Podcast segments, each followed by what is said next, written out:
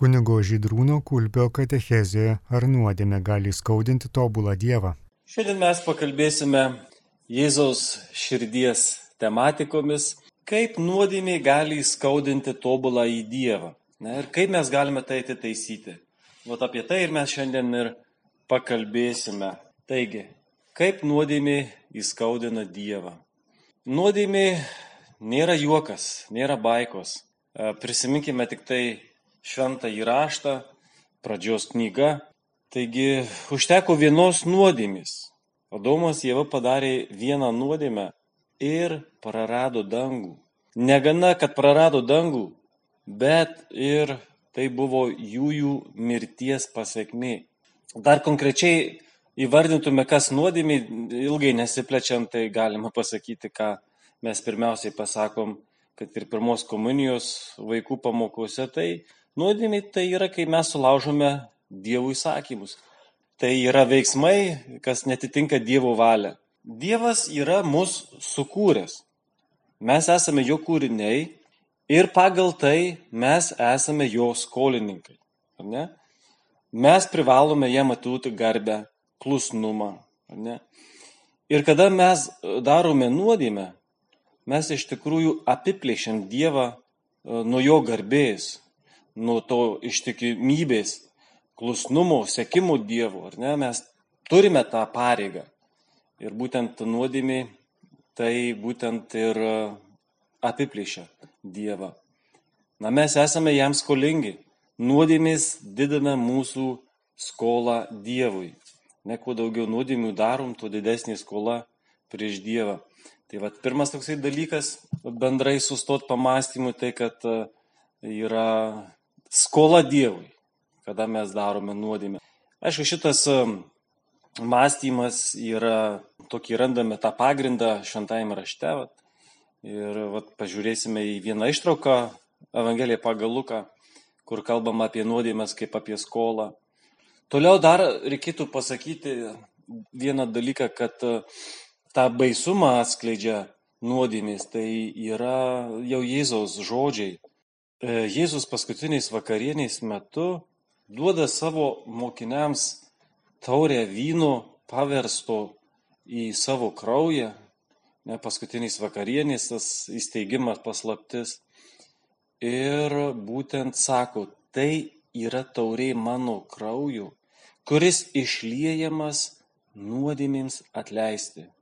Įsiklausykime, nuodėmėms atleisti, kad mes gautume nuodėmių atleidimą, mums reikia Kristaus kraujų. Ir galima daryti išvadą iš tiesų, kad e, būtent e, mūsų nuodėmis ir yra Jėzaus mirties priežastis. Jėzus tam ir miršta, kad būtų panaikintos mūsų nuodėmis. Todėl galima sakyti, kad nuodėmis žudo Dievą. Labai stipri kalba, bet iš va būtent išeities taškas mums yra ką mes paminėjome paskutiniais vakarieniais žodžiai, kuriuos girdime kiekvienose mišiuose. Tai yra mano kraujas išlėjimas nuodėmėms atleisti. Taigi, bendrai tai paėmus, kas tai yra nuodėmė, o dabar pažiūrėkime, kaip e, mes galime tuos dalykus panaikinti. Ir neatsimenu, tokį pokalbį, nu, sužadėtinių kursuose tenka dalyvauti ir kaip kunigas svečias ateinu, kalbu apie, apie būtent tas apeigas santokos ir mes paliečiam tokius aktualius klausimus, tai tarp jų ir išpažintis. Ir žinokit, patikėkit, visada, visada su, sukyla labai karštos diskusijos dėl išpažinties būtinumo. Kaip taisyklė, vyraujanti dauguma jaunimo prieštarauja, kodėl reikia tos eiti išpažinties ir taip toliau, taip toliau. Vienas jaunuolis prisimenu taip ryškiai, sakogi kunigas man svetimas žmogus, man jisai nepažįstamas, aš, aš nepasitikiu, nežinau, neturiu pasitikėjimų tuo žmogum. Žinai, sako, vat, va mano sužadėtinį čia sėdi, sako, aš jau geriau jai pasakysiu tas nuodėmes, vad ne kokiam kunigui. Bet turim suprasti, kad tu gali sakyti savo nuodėmes, kam tik tai nori. Jos, nu, nepabėgs nuo tavęs. Va.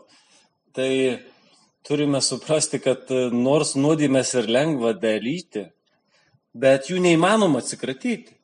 O tą reikia aiškiai suprasti. Ne? Ir ten ar sužadėtiniai, ar žmonai, ar dar kam nors tu pasakysi, ar ten apsi, dar ką nors sugalvosi. Lengva daryti, atsikratyti neįmanoma. Vat, iš tikrųjų, iš esmės. Vat net ir mūsų lietuvių kalbos žodis nuodėmiai, kas tai yra? Tai yra nuodų dėmė.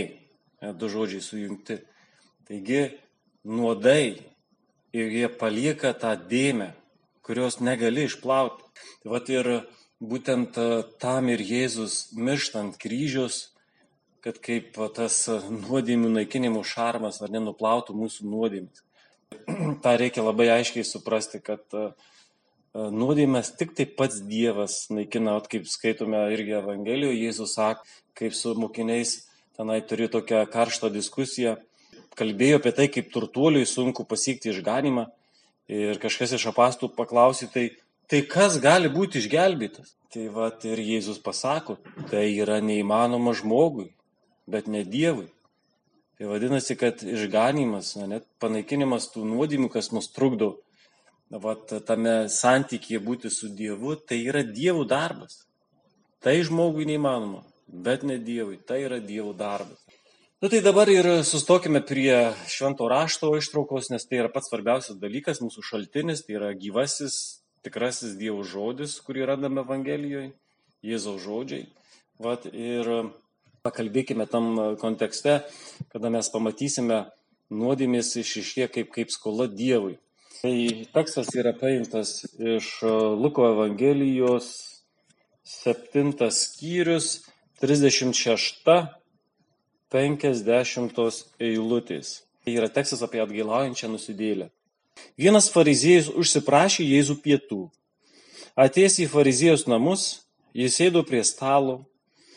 Ir štai moteris, kuri buvo žinoma mieste nusidėliai, patyrusi, kad jis fariziejus namuose, atsinešė alebastrinį indą kvapaus tepalo ir verkdama priejusi iš užpakalio prie jo kojų ėmė laistyti jas ašaromis, šluostyti savo galvos plaukais, bučiavo jo kojas ir tepė jas tepalu. Tai matydamas fariziejus, kuris buvo Jėzų pasikvietęs, samprotavo pats vienas. Jeigu šitas būtų pranašas, jis žinotų, kas tokia ši moteris, kuri jį paliečia, kad ji nusidėlė. O Jėzus prabilo, Simonai, turiu tau ką pasakyti. Tas atsiliepė, sakyk mokytojau. Skolintojas turėjo du skolininkus. Vienas buvo skolingas 500 denarų, o kitas 50. Jas neturint iš ko atiduoti, jis dovanojo abiems. Katras labiau jį mylės. Simonas atsakė. Manau, jog tasai, kuriam daugiau dovanota. Jėzus tarė. Teisingai nusprendėjai. Ir atsisukęs į moterį jis tarė Simonui, matai šitą moterį? Aš atėjau į tau namus, tu nedavai man vandens kojoms nusimasgoti, o jis suvilgė jas ašaromis ir nušluosti savo plaukais. Tu manęs nepabučiavai, o ji vos man atėjus nesiliauja bučiavusi man kojų. Tolėmi man galvos nepatepei, o ji tepalu patepė man kojas. Todėl aš tau sakau, Jai atleidžiama daugybė jos nuodėmių, nes ji labai pamilo. Kam mažai atleista, tas menkai myli. O jai tari, atleidžiamos tau nuodėmės. Sėdintieji kartu už stalo pradėjo svarstyti, kasgi jis toks, kad net ir nuodėmės atleidžia. O jis dar tarė moteriai, tavo tikėjimas išgelbėjo tave, eik rami.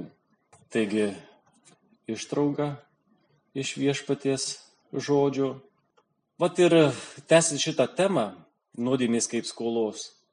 Įdomu pastebėti, vat per didįjį penktadienį mes skaitome Jono Evangelijoje 19 skyriuje, vat būtent paskutiniai Jėzaus žodžiai, kuriuos jisai ištarė ant kryžiaus, atlikta. Vat šitas žodis graikų kalboje skamba tetelestai. Toks terminas Ir dabar pažiūrėkime, ką jis reiškia.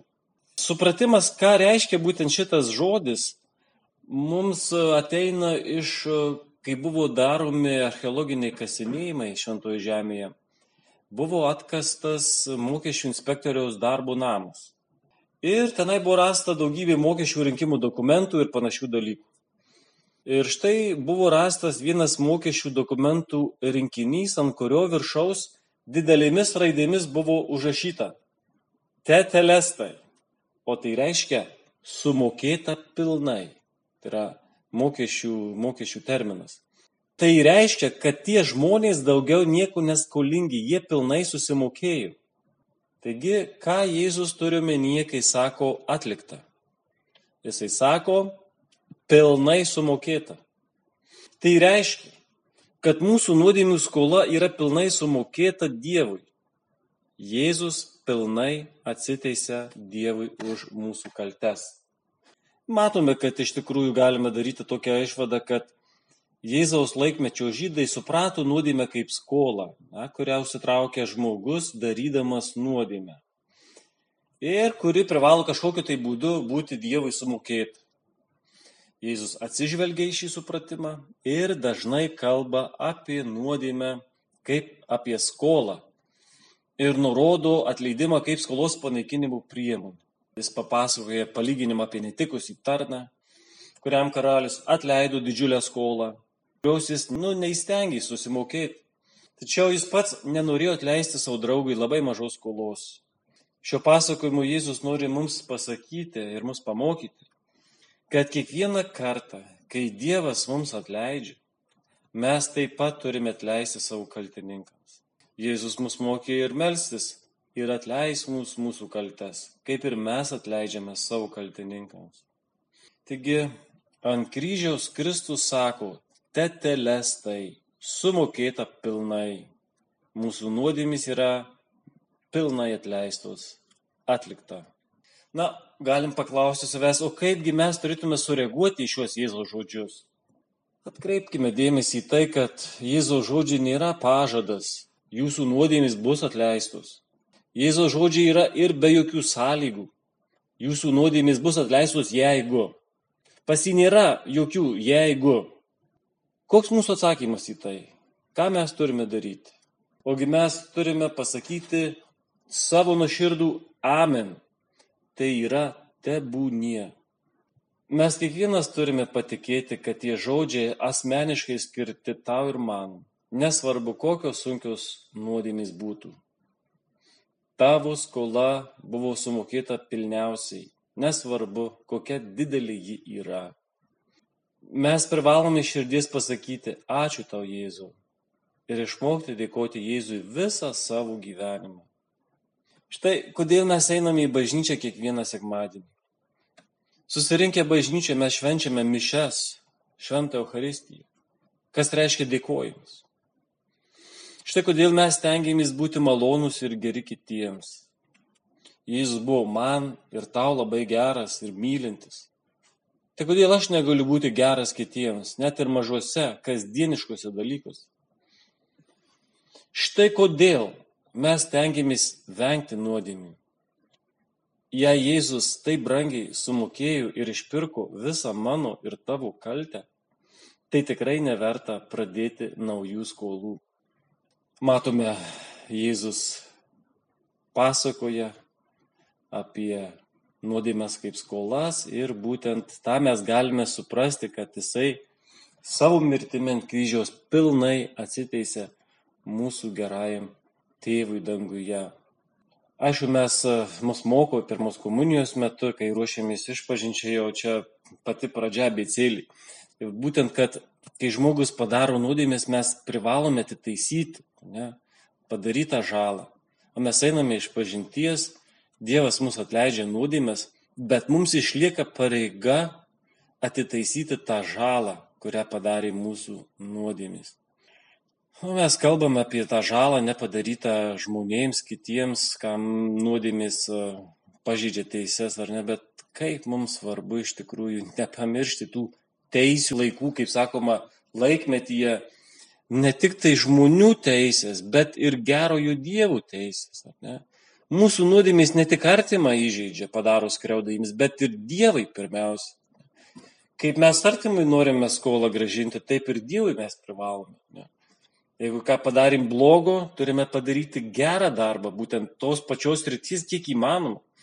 Bet aišku, yra ir tokių nuodėmių, kur tu negali sugražinti tos skolos. Va, tiesiog, nu, neįmanoma, nes tos nuodėmės yra labai didelis. Tiesiog ne mūsų kompetencijų tuos dalykus panaikinti, ar ne? Ir, ir na, pavyzdžiui, paimkime tokią situaciją, atsimenu, žiūrėjau čia seniau filmą Sala, rusų toksai filmas, apie vieną tokį vienuolį rusų, atgailojantį visą gyvenimą, ten labai pasišventus į atgailai, ar ne? Tai vad ir man tai pažiūrint, Na, ta, ta situacija to filmo tai, kad e, jisai atgailoja labai dėl to, kad e, jisai antro pasaulinio karo metu tiesiog e, fašistų priverstas nušovė savo kovos draugą, ne, kad išgelbėtų savo gyvybę. Žodžiu, atimė kito žmogaus gyvybę. Tai yra dalykas gyvybei. Tu niekaip neatsiteisi už kito žmogaus gyvybę.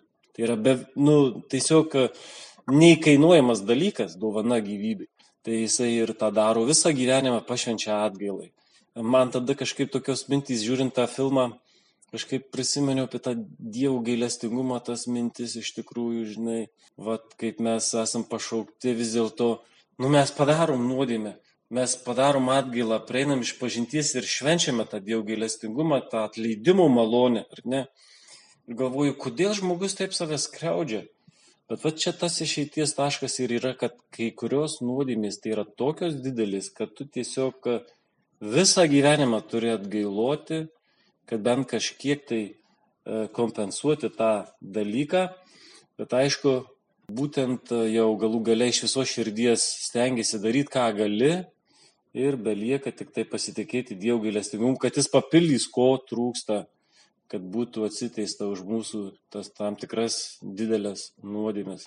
Va čia reikėtų šitoje vietoje taip pat pastebėti, kad e, labai svarbu yra atlaidai. Vat vasaros metas, daug kur atlaidai vyksta. Tai va ir atlaidai tai ir yra tokia Dievo dovana malonė, kurią mes atsiteisėme Dievui už visus savo blogus darbus, tas skolas, kreudas, ką padarėm Dievui tiek ir artimui. Tai tas labai svarbu pasinaudoti tom priemonėm einame iš pažinties, labai tinka per atlaidus pasidaryti tokią piligriminę kelionę. Prieiname nuo širdžios geros išpažinties, mes atsiprašom gerai Dievą, gaunam atleidimą ir tada, aišku, mums lieka pareiga vis tik atsiteisti už tuos dalykus blogus, ką padarėme ir atlaidai, tai būtent tai ir yra, kad mes gauname iš Dievo malonės bažnyčios užtarimu tų būtent pasiekmių nuodėmis, tos žalos, ką mes padarėme, atleidimą tas atsiteisimas už nuodėmes, tai arba mes gerais darbais čia žemėje atsiteisim Dievui, arba, aišku, jau skaistykla lieka, kada reikės nu, tuos dalykus atitaisyti skaistykloje. Va, todėl labai svarbu siekiant tą, tą teisingumą atstatyti, kiek įmanoma, tai va, ir tais atlaidais pasinaudoti, o ką bažnyčia mums taip nuostabiai teikia. Taigi, Toliau mes e, pakalbėkime apie tai, kaip e, būtent, e, kaip minėjau pradžioj, kad tai yra nuodėmės, tai yra tai, kas žudo Dievą. Jėzus mirties priežastis. Ne, ir kaip tuos dalykus atitaisyti. Skola yra vienas dalykas, matome iš viešpaties gailestingumo. Ir šiuo atveju, kalbant, galėtume prisiminti ir kitą švento rašto vietą. Kad būtent sunaus palaidūnų istorija, būtent Tai yra paimta iš e, Luko Evangelijos 15 skyriaus 11 eilutė iki 32 eilutės. Tai tas irgi mums užveda labai pamastymui gerų minčių viešpats duoda. Prieš sustojant prie šito teksto, man prisimena šią tėvų dienos progą, mačiau Facebook'e buvo toksai platinamas vaizdo įrašas, labai toksai na, gražus. Tai motina filmuoja tėvo ir mažo berniuko, nu gal kokių keturių gal metų, gal dar visai netoli keturių metų pokalbį. Ten tėvas kalba su juo, vaikas linksmai atsakinėja.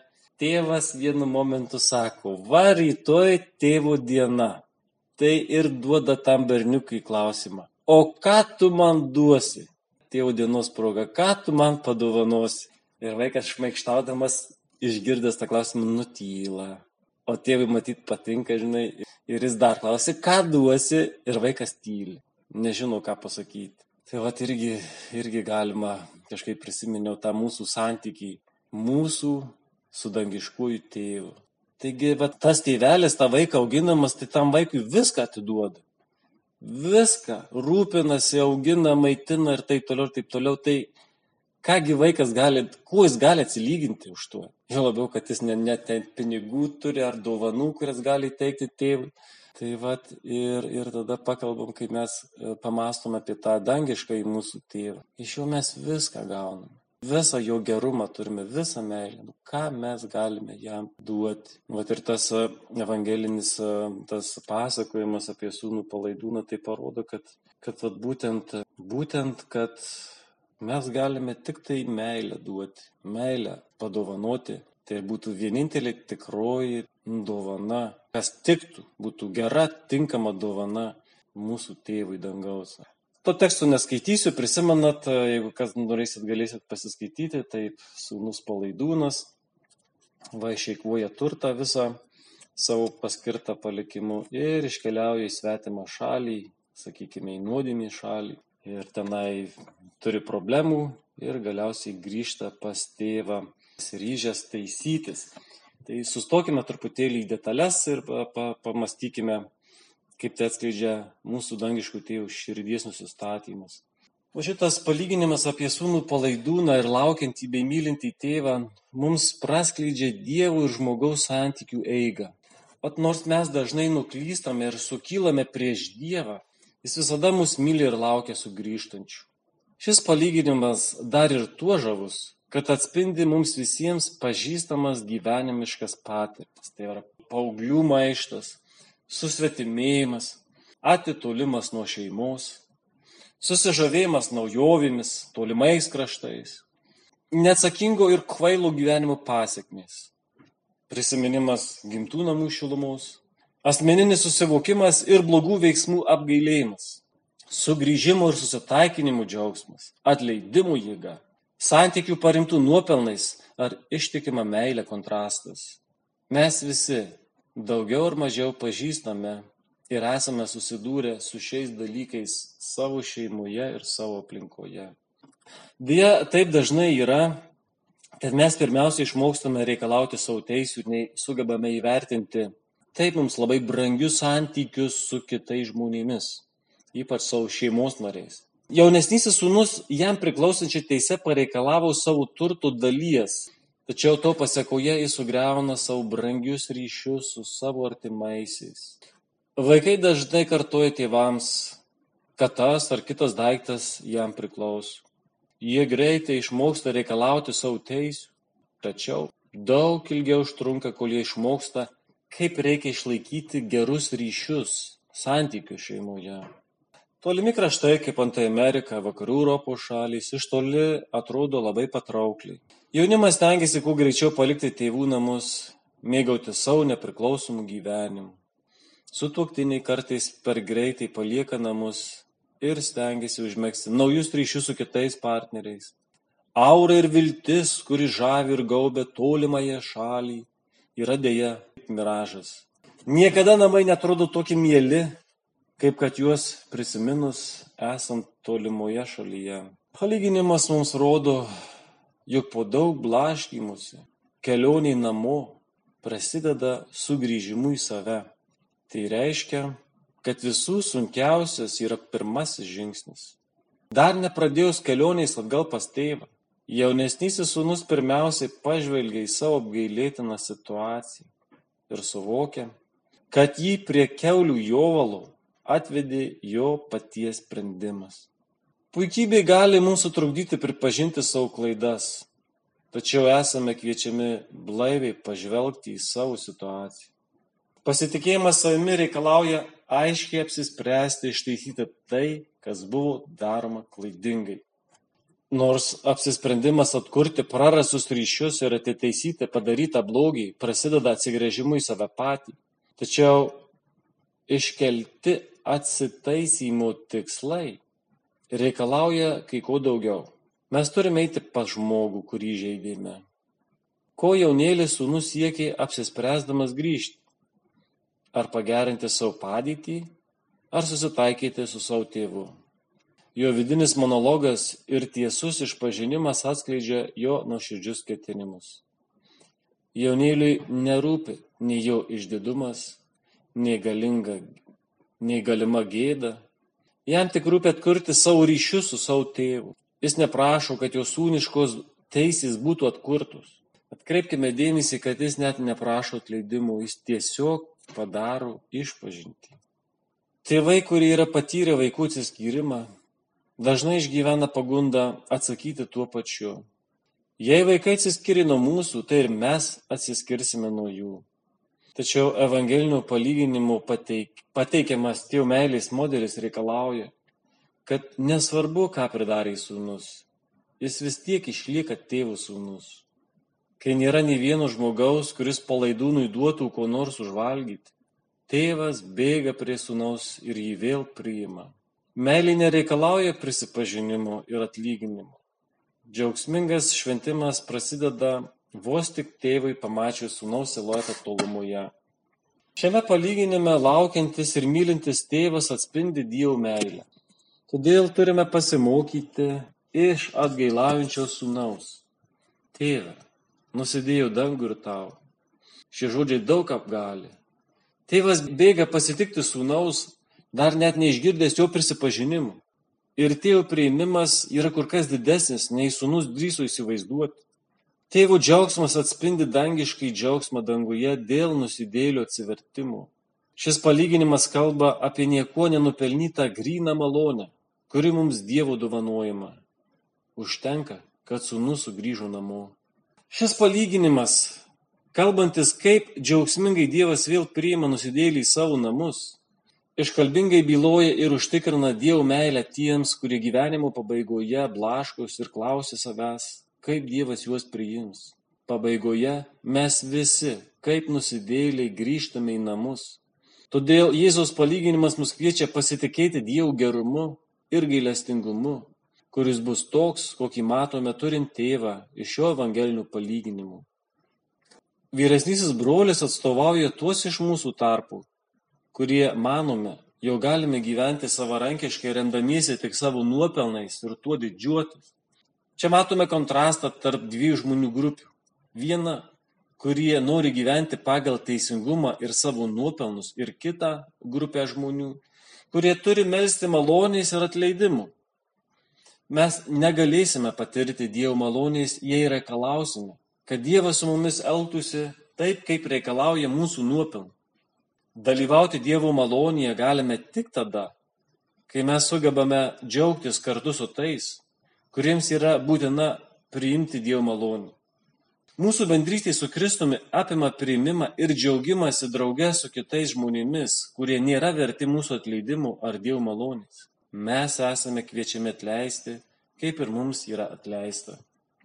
Palyginimas neduoda mums atsakymų, ar vyresnysis sūnus prisijungia prie jaunesnio sūnaus sugrįžimo šventimų. Mes nežinome, ar jis įėjo vidun ir pasveikino savo brolį sugrįžus į namų. Ar jis liko laukia jausdamas nuoskaudą. Palyginimas baigėsi būtent čia, kadangi tai yra kiekvieno iš mūsų apsisprendimas kurį turime padaryti. Jei mes žengėme į vidų, mes pripažįstame Dievo malonę kaip mūsų gyvenimų neatsiejama taisyklė. Taigi, vėl ir vėl mes pamatome ir šito palyginimu, kad būtent Dievo gerumas, atleidimas, atitaisimas visų kalčių tai yra kaip nenupelnyta malonės dovana mums. Taigi, jeigu mes įžeidžiame Dievą. Turime tą nelaimę padaryti nuodėmę. Dievas visada laukia mūsų. Dievas pasiruošęs atleisti. Ir jeigu kalba eina, kai mes galime atitaisyti tas kreudas, tai švenčiausiai širdžiai viešpaties padarytas kreudas, tai prisiminkime, kad mes galime Dievui pasiūlyti tik tai savo meilę. Nes tik toks yra tikras atsakas į Dievo meilę, at kurią simbolizuoja ypač birželį mūsų garbinama Jėzaus širdis. Ta meilė padiktuos konkrečius veiksmus, kuriais galime bandyti atsilyginti už visus Jėzaus širdies įskaudinimus. Šioje širdyje yra tokia meilė mums, kuri didesnė už visas mūsų kaltes. Nebijokime. Dievo meilė viską viršina. Amen. Girdėjote kunigo Žydrūno Kulpio katechezę, ar nuodėmė gali skaudinti tobulą Dievą.